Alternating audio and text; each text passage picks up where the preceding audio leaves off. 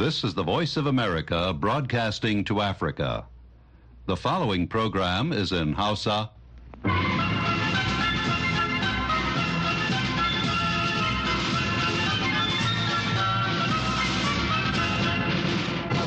Sashen Hausa na murya Amurka ke magana daga nan birnin Washington DC.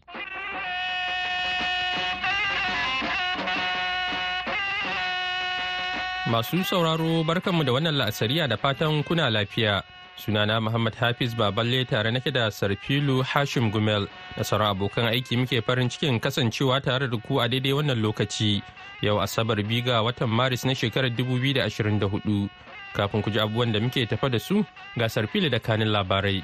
To cikin labaran za a ji cewa shugaban Amurka ya karɓi bakuncin Firaministan Italiya George Meloni a fadar White House jiya Juma'a a daidai lokacin da ake fuskantar kalubalen yaƙin Gaza. Wani jirgin ruwa da 'yan tawayen hutun na Yaman suka kai wa hari a tekun Bahar Maliya ya nutse bayan shafa kwanaki yana shawagi a ruwa. Daga nan za a ji cewa kwamitin kare 'yan jaridu CPJ ya ce an sako ɗan jaridar faransa a ton galindo wanda aka tsare tsawon mako guda addis ababa babban birnin ƙasar habasha. Kanin labaran duniyar kenan. A cikin shirin za ku ji cewa an kammala wani taron samar da zaman lafiya a ƙasashen nijar da chadi da libya. Tsakanin mu wani ya yi wani abu a nan ta sama wani ya ce libi ya zamanto su mai da mu kuma mun wani ya yi zai wajen su ya bai wuri mu mu ma kuma mu samu mu gaya musu. Kwanciyar hankali shine mu abin da ya dame mu. Sannan za ku ji tsokacin masana kan umarnin da hukumar sadarwa ta najeriya ncc ta bayar na rufe layukan wayar da ba hada su da lambar ɗan ƙasa ta nin ba bayan wa'adin da ta ɗibar musu ya cika. Su hukumar sadarwa ta ƙasa ncc suna da yancinsu yan ƙasa ma suna da yancinsu idan magana tana a kotu muddin ba a samu umarnin kotu na a dakatar da abu kaza ba to babu hujja na cewa don magana tana a kotu ncc za ta dakatar da ayyuka. Bayan nan muna tafa da shirin a dawo lafiya da baba yakubu makeri zai gabatar. To amma fa sai mun fara da shan labaran duniya tukunna. To jama'a assalamu alaikum. Da fatan an yi lafiya ga labaran duniya. Shugaban amurka joe biden ya karɓi bakuncin firaministan italiya giorgia meloni a fadar white house jiya juma a daidai lokacin da ake fuskantar kalubalen yaƙin gaza da kuma ci gaba da goyon bayan kare ukraine daga mamayar rasha. Za mu tattauna batun gabas ta tsakiya da kuma abin takaici da ban tsoro da ya faru a arewacin gaza za mu yi ƙoƙarin samar da agajin jin kai a can in ji biden a gaban manema labarai gabanin gana wasu da meloni yayin da yake magana kan rahotannin harbin da sojin isra'ila suka yi kan wani taron falastinawa da ke yunkurin samun abinci daga cikin ayarin motocin agaji a birnin gaza inda fiye da mutane 100 suka rasa rayukansu. A wata tsawatarwa da ba kasafai aka yi fiye yi wa Isra'ila ba, Biden ya kira asarar rayukan da aka yi a matsayin abin takaici. Ya sha alwashin Amurka za ta ƙara tashi tsaye, sannan ya sanar da cewa Amurka za ta bi sahun sauran ƙasashe wajen jefa kayan agaji ta sama. A bisa kuskure ya kira Gaza da sunan Ukraine. Wani jirgin ruwa da 'yan tawayen hutu na Yaman suka kai wa hari a tekun Bahar Maliya ya nutse bayan shafa kwanaki yana shawagi a ruwa. Jirgin mai suna rabi ma dai ya yi ta shawagi bayan harin da aka kai a watan fabrairu. Wannan dai shine jirgin ruwa na farko da 'yan hutu suka nutsar a cikin watannin da suka gabata na hare-haren da suke kaiwa kan jigilar kayayyaki a mashigar ruwan. Gwamnatin yemen da ƙasashen duniya suka amince da ita da kuma jami'an sojin yankin sun tabbatar da nutsewar jirgin a ranar asabar. Tuni jiragen ruwa da yawa sun daina bin wannan hanyar nutsewan na iya ƙara hana jirage bin hanyar da kuma ƙara farashin inshora kan jiragen ruwan da ke bin hanyar wanda hakan ka iya haɓaka hawa farashin kayayyaki a duniya da kuma yin tasiri ga jigilar kayan agaji zuwa yankin. Aƙalla mutane biyu ne suka mutu yayin da wasu takwas suka samu raunuka bayan da wani jirgin rasha mara matuki ya faɗo a wani wato katafaren gida da ke birnin Odessa da ke kudancin Ukraine a yau Asabar. Jami'ai Odessa sun ce an ciro mutum ɗaya da ransa daga baraguzan ginin wani gida. Shugaban ƙasar Ukraine Vladimir Zelensky ya faɗa wani saƙo wato ya faɗi wani saƙo da ya wallafa a dandalinsa na sada zumunta na Telegram cewa gidaje goma sha takwas sun lalace. Rasha na ci gaba da yaƙa fararen hula ɗaya daga cikin jirage marasa matuƙa na abokan gaba ya afka wani gini a Odessa in ji shi. Zelensky ya sanar a jiya Juma'a shi da firaministan holland mark rutte sun rattaba hannu kan wata yarjejeniyar tsaro da za ta bai wa kip tallafin dala biliyan biyu a wannan shekara. Zelensky ya sanar da cikakken shirin a shafukansa na sada zumunta bayan da shugabannin bisa gana tare da tattaunawa a birnin kharkiv birni na biyu mafi girma a ƙasar ukraine da rasha ke yawan kai hare-hare. To nan ba da jimawa Sarfilu zai kawo mana a ƙarshen labaran duniyar, amma kafin nan bari mu buɗe taskar rahotanninmu. Kabilun Tubawa da Abzinawa da kuma Laraba da ke ƙasashen Chad da Libya da kuma Nijar sun kammala taron zaman lafiya na kwanaki biyu da nufin samo hanyoyin magance matsalolin tsaro da suka addabi yankunan su. Sakamakon yadda matsalar tsaron ke neman zaman ruwan dare a iyakokin ƙasashen ya sa hukumomi a Nijar kiran taron na zaman lafiya. Domin tunkarar wannan matsalar ta yadda za su fahimtar da juna tsakanin ƙasashen uku. Taron da ya hada dukkan masu ruwa da tsaki da jami'an tsaro da wakilan al'umma da kuma kabilan da ke rayuwa a iyakokin ƙasashen daga agadas ga rahoton da wakilin muhammad mahmud ya aiko mana. A wani mataki na neman zaman lafiya a Nijar musamman a arewacin ƙasar da ke iyaka da ƙasashen Libya da Chad da kuma Algeria. Hukumar mulkin soja a Agade sun gudanar da wani taron zaman lafiya inda suka tattauna da shugabannin al'ummomi na yankin a fannoni da dama musamman irin gudunmawar da za su bayar wajen shawo kan matsalar tsaro da ake fuskanta a cikin yankuna da dama na ƙasar Nijar. Abubakar Jerome magajin gari yankin Durku mai iyaka da ƙasar Libya ya bayyana fatan su yi aiki tare da ƙasashen Libya da Chadi wajen magance matsalar tsaro a tsakanin tsakanin su. tsakanin libi na chad da har algeria duka. Akwai masu yawo suna ɗauke da babban bindigogi. Ana yin traffic ana yin kwamira kwami a bisa hanya wannan duka ana yin tarbe-tarbe. Kun mun duba mun zama mun gani shine muka ce to tsakanin mu za mu yi taro wanda za mu sa ai magana tsakanin libi niger. Ai magana tsakanin niger da chad. Ta yanda tsakanin mu wani ya yi wani abu a nan ta sama wani ya ce libi ya zamanto to mai da mu kuma mun wani ya yi zai wajen siyasa wurin mu mu ma kuma mu samu mu gaya musu. Kwanciyar hankali shine mu abin da ya dame mu. Jagororin al'umma da ƙungiyoyin fararen fulla sun ɗauki alkawulla na kawo nasu taimako a shawo kan matsalar tsaro. A galibarka 'yan ƙungiyar farar fulla ne a agades abin da muka iya duka muna yin shi. Mu yi regroupe chef de village chef de tribune chef de mu yi musu jawabi. In babu lahiya babu wanda za ya zama gidan shi. Kuma mun sani mutanen nan da suka yi wannan abu. Don wannan abu mun gani fi sabilillahi abu da yawa ya sake amma da yardan Allah in mutane sun tahi bisa wagga tahiya. To kun san mutane fi sabilillahi suna so suna goye mu baya amma mutane wadansu tsoro gare su. Kenan aiki na security da aiki na lahiya mu da yardan Allah ba za mu fasa shi ba. Kwamitin zaman lafiya na yankin ciro da ke cikin jihar agadez na ganin akwai buƙatar a samar da wani tsari na fahimtar juna tsakanin al'umma wanda hakan zai sa a yi watsi da tsatsauran aƙidu da kuma neman taimakon kowa wajen magance matsalar tsaron. Gisa attahir mamba a kwamitin zaman lafiya na agadez. Mutane su kula da kansu su kula da kasa saboda ka kowa. Yanzu ka bandi ƙarami ƙarami wannan su ne za su sha wa mayan bandi wanda ba iya fidda su sun shigo gararwa shi yasa ya kamata kowa da kowa ya kawo gudunmawar su kawo ya kawo taimakon shi bisa harka sigar wannan saboda Bremen tana yawa kuma kowace rana karawa take. mahalarta taron sun buƙaci ga jagororin mulkin sojan ƙasar ta Nijar da su ƙara azama wurin ganin gwamnati ta daƙile sabuwar matsalar tsaron da ke fuskantar yankin. Hamid Mahmud, muryar Amurka daga Agadez, jamhuriyar Nijar. A gaida Hamid Mahmud. Nan gaba kaɗan a cikin shirin za ku ji abin da wasu 'yan Najeriya ke cewa dangane da umarnin da hukumar NCC ta bayar na rufe layukan da ba haɗa su da lambar ɗan ƙasa ba. Wannan shirin na zuwa muku ne daga nan sashen Hausa na muryar Amurka. Yanzu kuma ga ƙarashin labaran duniyar.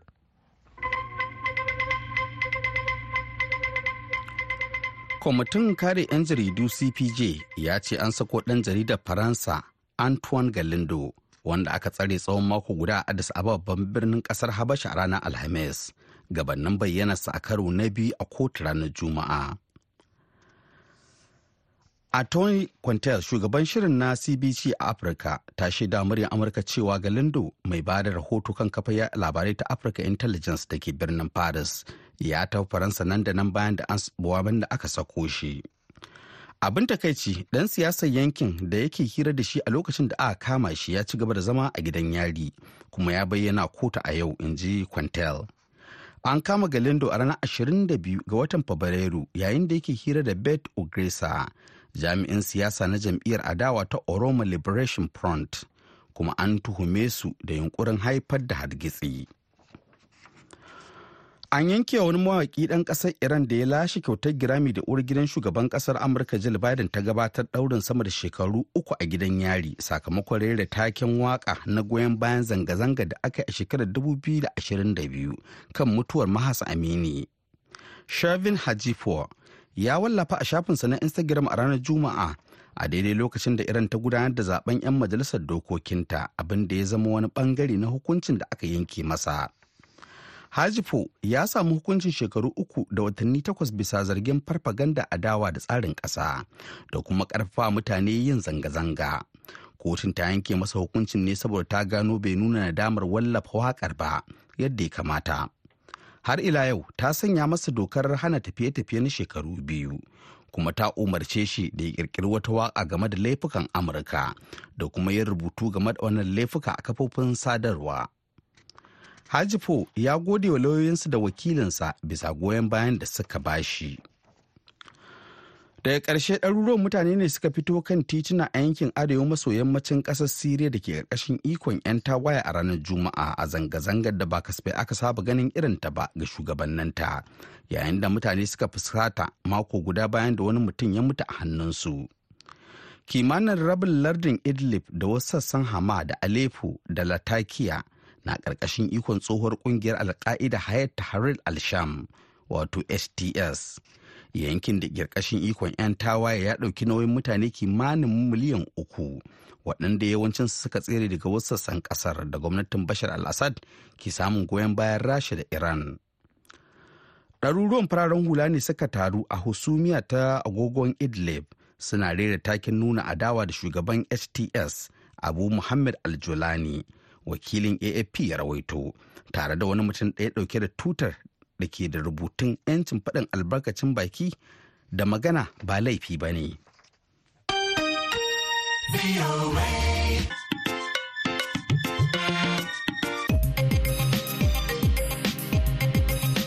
Sarfilu Hashim Gumel kenan ya karanto mana labaran duniya daga sashen Hausa na murya Amurka.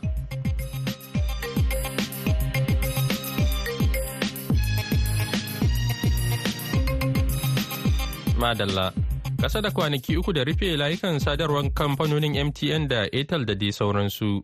Al'ummar Najeriya na ci gaba da kokawa akan yadda wannan mataki ke ci gaba da jawo musu asara yayin da wasu masana ke cewa a cikin lallami ya kamata a bi 'yan ƙasa don haɗe layukansu da lambar shaidar ɗan ƙasa wasu kuma na ganin dole a fifita 'yancin 'yan ƙasa akan komai daga abuja wakiliyarmu halima abdurraub ta aiko mana da wannan rahoto Masana dai sun ce akwai yiwuwar matakin na hukumar sadarwa ta Najeriya wato NCC ya kai ga rufe kimanin layukan sadarwa sama da miliyan sha ɗaya biyu bayan karewar wa'adin ranar 28 ga watan Fabrairu da ya gabata na hada lambar shaidar zama ɗan ƙasa wato NIN da lambobin wayoyin tarho. Kamfanonin sadarwa da ke kasuwancin su a Najeriya dai na bin umarnin NCC ne ganin yadda daraktar hulɗa da jama'a na NCC ya sake shaidawa manema labarai cewa wa'adin da suka sanya na ranar 28 ga watan watan Fabrairun da ya gabata ya kare kuma ba gudu ba ja da baya da matakin. Tun dai wasu 'yan Najeriya ke ta kokawa akan yadda matakin NCC da kamfanonin sadarwar ƙasar suka aiwatar ya jawo musu asara mai tarin yawa. Wani mazaunin jihar Osun da ke yammacin Najeriya Abdulgani Abdurrahman ya ce. An falayu na MTN dina. Wayan da nake aiki da ita in masu bana aiki ma da wayan aiki ba na aiki. Wani falayin ya samu cikin asara. Kawai sai MTN taimako za su mun su buɗe min layina. A cewar wani mazaunin jihar Sokoto Abdulrahman Salihu Abba matakin kamfanonin sadarwar ya gurgunta masa al'amuran kasuwancinsa. Alal hakika ya gurgunta min kasuwanci na domin akwai kusan harkokin kasuwancin da na kulla wanda kuma dole sai ta hanyar waya din za a iya amfani da su musamman ma na transfer kuɗi da sauransu wanda hakan ya sa gaba ɗaya kusan komi ban yi ba wanda ya shafi harkar kasuwanci na. Zance na gaskiya kusan na jima ban samu irin wannan matsalar ba kuma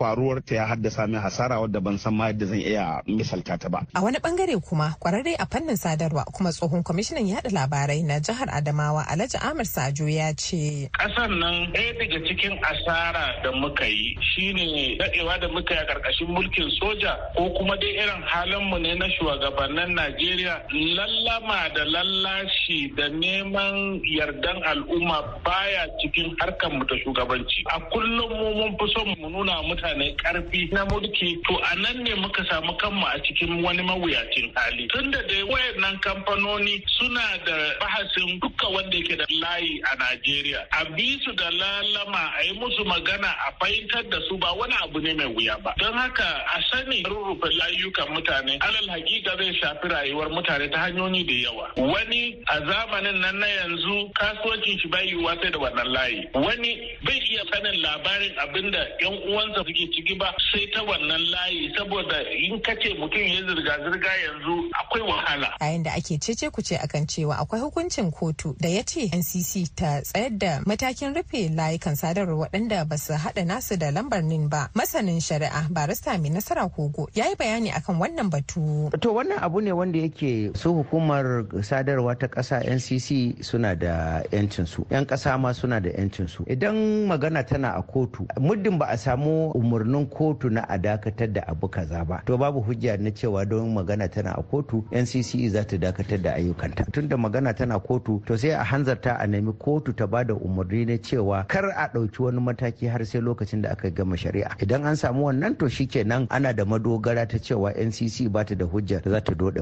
kowa layi. Sannan abin da ya kamata a juya hankali shine mai la'akari da sashe na goma sha huɗu sakin sashe na ɗaya na tsarin mulkin najeriya wanda ya ce domin jama'a ne ake neman yanci tunda domin jama'a ne babu hujja da za a iya kawo a daƙile ma jama'a amfani da wannan dama ta so akwai yancin dan adam. Sashe na 33 zuwa na 44 ya ba da dama akan matakai daban-daban na yancin dan adam. Yanci na sadarwa yanci na kai walwala yanci na kai mu'amala da wanda ka so duk ga sunan dai matakai daban-daban. Idan ana iya tunawa a ranar 16 ga watan disambar shekarar 2020 ne gwamnatin najeriya ta ba da umarnin a hada layukan sadarwa wato sim card da lambar shaidar zama dan kasa wato nin. Tsarin da aka fitar da nufin magance matsalar rashin tsaro a ƙasar halima abdulra'uf murya amurka daga abuja najeriya.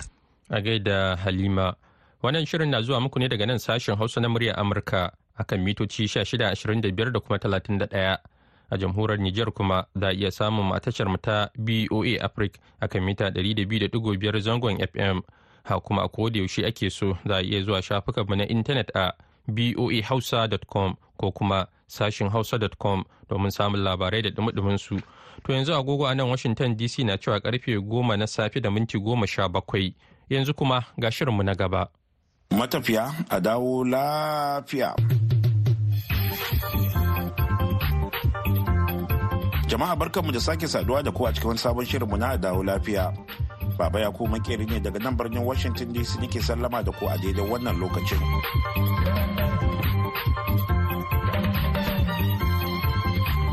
A yau shirin dawo lafiya zai kawo mana wata muhimmiyar tattaunawa ce da shugaban cibiyar horarwa da nazarin harkokin sufuri a najeriya wanda ke garin zaria akan wani yunkuri da cibiyar ke yi na shirya kundin tattara bayanai na dukkan ɓangarorin sufuri a najeriya.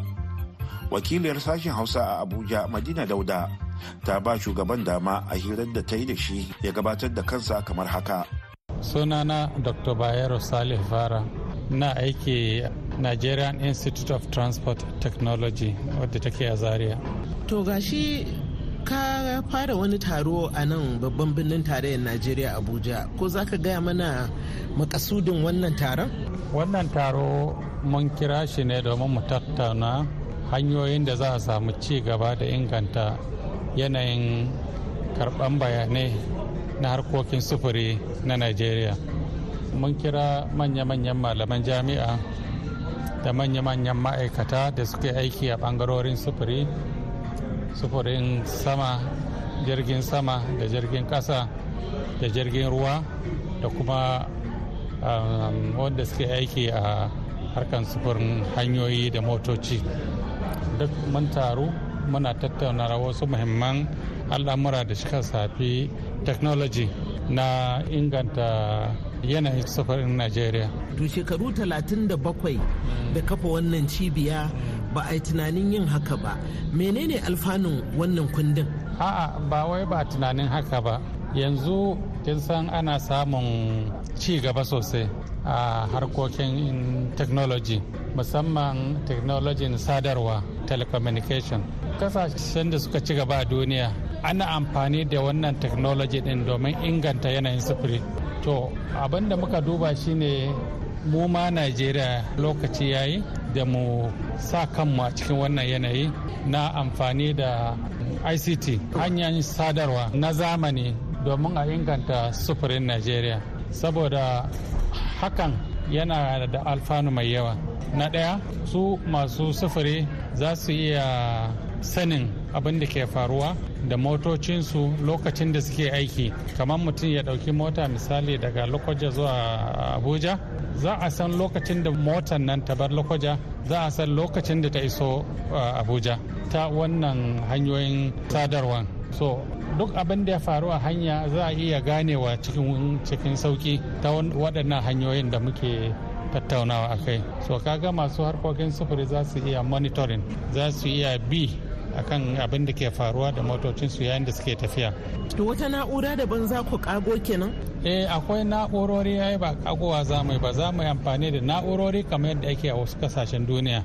Mu ma za mu shiga wannan tsari din domin mu mu samu inganta a harkokin sufurinmu. Ba na mota kawai ba hadda na jirgin sama hadda na jirgin ruwa hadda a airport hadda a seaport. Duka za a samu waɗannan technologies din yadda za a ringa samun bayanai ko da yaushe. Real time bayani wato bayani inda yake faruwa za a iya samun bayani ba sai an jira wani lokaci ba. A wannan bayani za a iya sanin me ke faruwa. In akwai matsala a san akwai matsala a ɗauki mataki na gyara matsalan to wani matakai kuke ɗauka yanzu na gane yawan motocin da ake da su a wannan ƙasa tamu najeriya da kuma in suna da kyau wajen yin amfani da su na sufuri ko yaya? Shi wannan kundin da muke aiki a kai zai ba mu wannan bayanin. Motoci nawa ne a najeriya? Motoci nawa ne a kan hanya kowace hanya? Hanyar kaduna abuja za mu iya sanin kowane lokaci motoci nawa ne suke bi wannan hanya. Hanyar kaduna kano hanyar lagos ibadan. Ko da yaushe za mu iya sani take ba tare da an jira ba. Motoci nawa ne suke a kan wannan hanya? Kuma za a iya sanin mutane nawa kowane mota. So wannan tsari ne wanda a wasu ƙasashe already ana amfani da shi. Mu ma ya kamata mu fara amfani da shi don mu cin moriyan da ke cikin wannan ci gaban da aka samu. To darekta wannan cibiya taka wani mataki za ta ɗauka a irin motocin da ake shigowa da su wannan ƙasa tamu?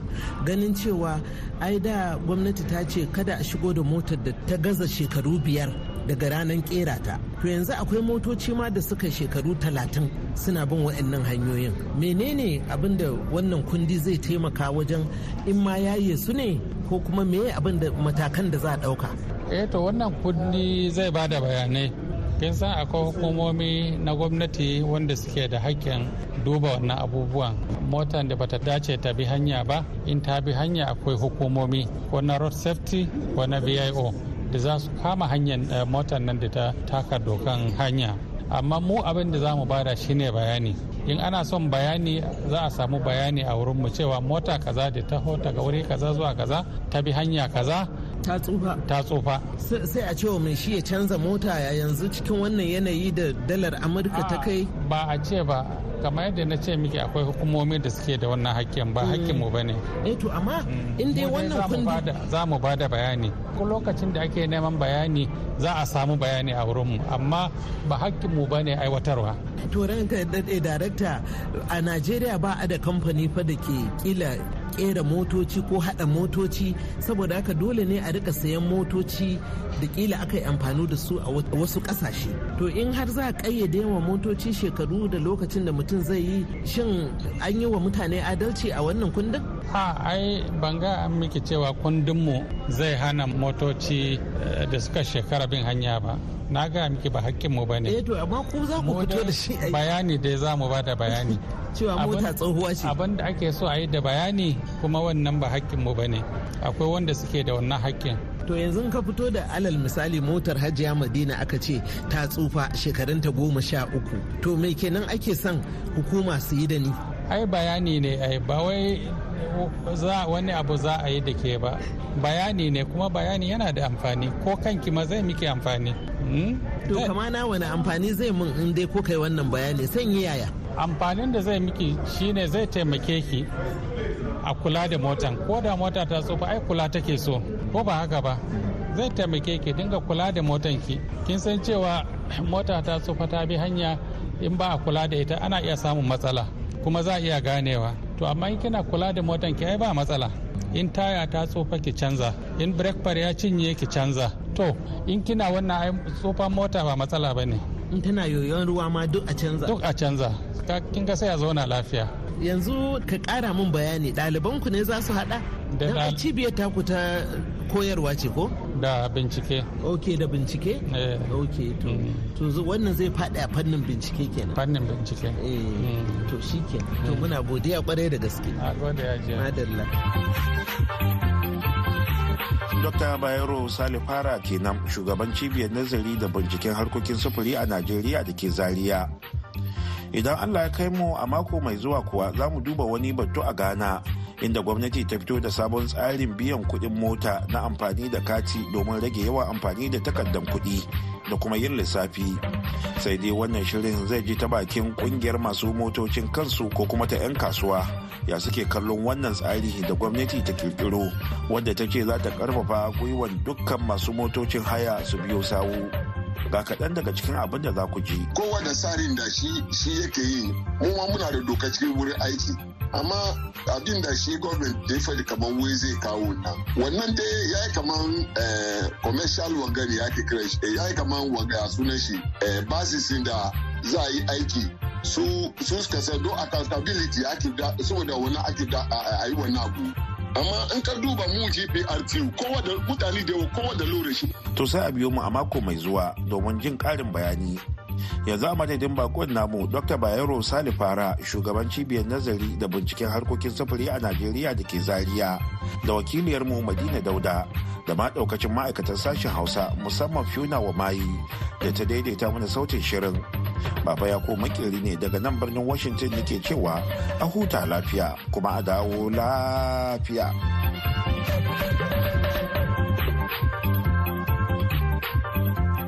A gaida baba yakubu makeri yanzu kuma ga labaran duniya a taƙaice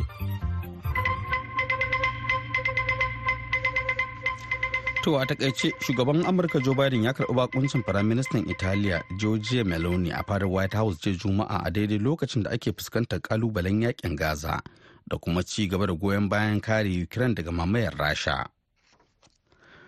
Wani jirgin ruwa da 'yan tawayen Houthi neman suka kai wa hari a tekun Bahar Maliya ya nutse bayan shafa kwanaki yana shawagi a ruwa. Jirgin mai suna Rabi Mar da ya yi ta shawagi bayan harin da aka kai a watan Fabrairu. wannan da shine jirgin ruwa na farko da yan hutu suka nutsar a cikin watanni da suka gabata na hare-haren da suke kaiwa kan jigilar kayayyaki a mashigin ruwa akalla mutane biyu ne suka mutu yayin da wasu takwas suka samu raunuka bayan da wani jirgin rasha mara matuki ya faɗo a wani katafaren gida da ke birnin odessa da ke kudancin ukraine a yau asabar. Jami'an odessa sun ce an ciro mutum ɗaya da ransa daga baraguzan ginin. Shugaban ƙasar ukraine vladimir zelensky ya faɗa wani saƙo ta da ya wallafa a dandalin sada zumunta telegram cewa gidaje goma sha takwas ne suka lalace. Kwamitin kare 'yan jaridu cpj ya ce an sako ɗan jaridar faransa antoine galindo wanda aka tsare tsawon mako guda a addis ababa babban birnin ƙasar habasha a ranar alhamis gabanin bayyanarsa a karo na biyu a kotu ranar juma'a. An yanke wani mawaƙi ɗan ƙasar iran da ya lashe kyautar grammy da uwar gidan shugaban ƙasar amurka jill biden ta gabatar ɗaurin sama da shekaru uku a gidan yari sakamakon rera takin na goyon bayan zanga-zanga da aka a shekarar 2022 kan mutuwar mahasa amini. Shabin po ya wallafa a shafinsa na instagram ranar juma'a a daidai lokacin da iran ta gudanar da zaɓen 'yan majalisar dokokinta da abin ya zama wani ɓangare na hukuncin da aka yanke masa. To masu sauraro da kuma haka muka kawo ƙarshen shirin namu a wannan lokaci sai kuma an jima da misalin ƙarfe tara da rabi agogon Najeriya Nijar kamar da Chadi za mu sake dawa da wani sabon shirin idan Allah ya kai mu.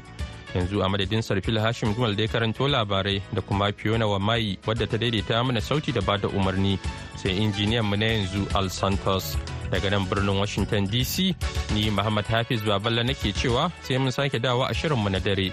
Salamu alaikum.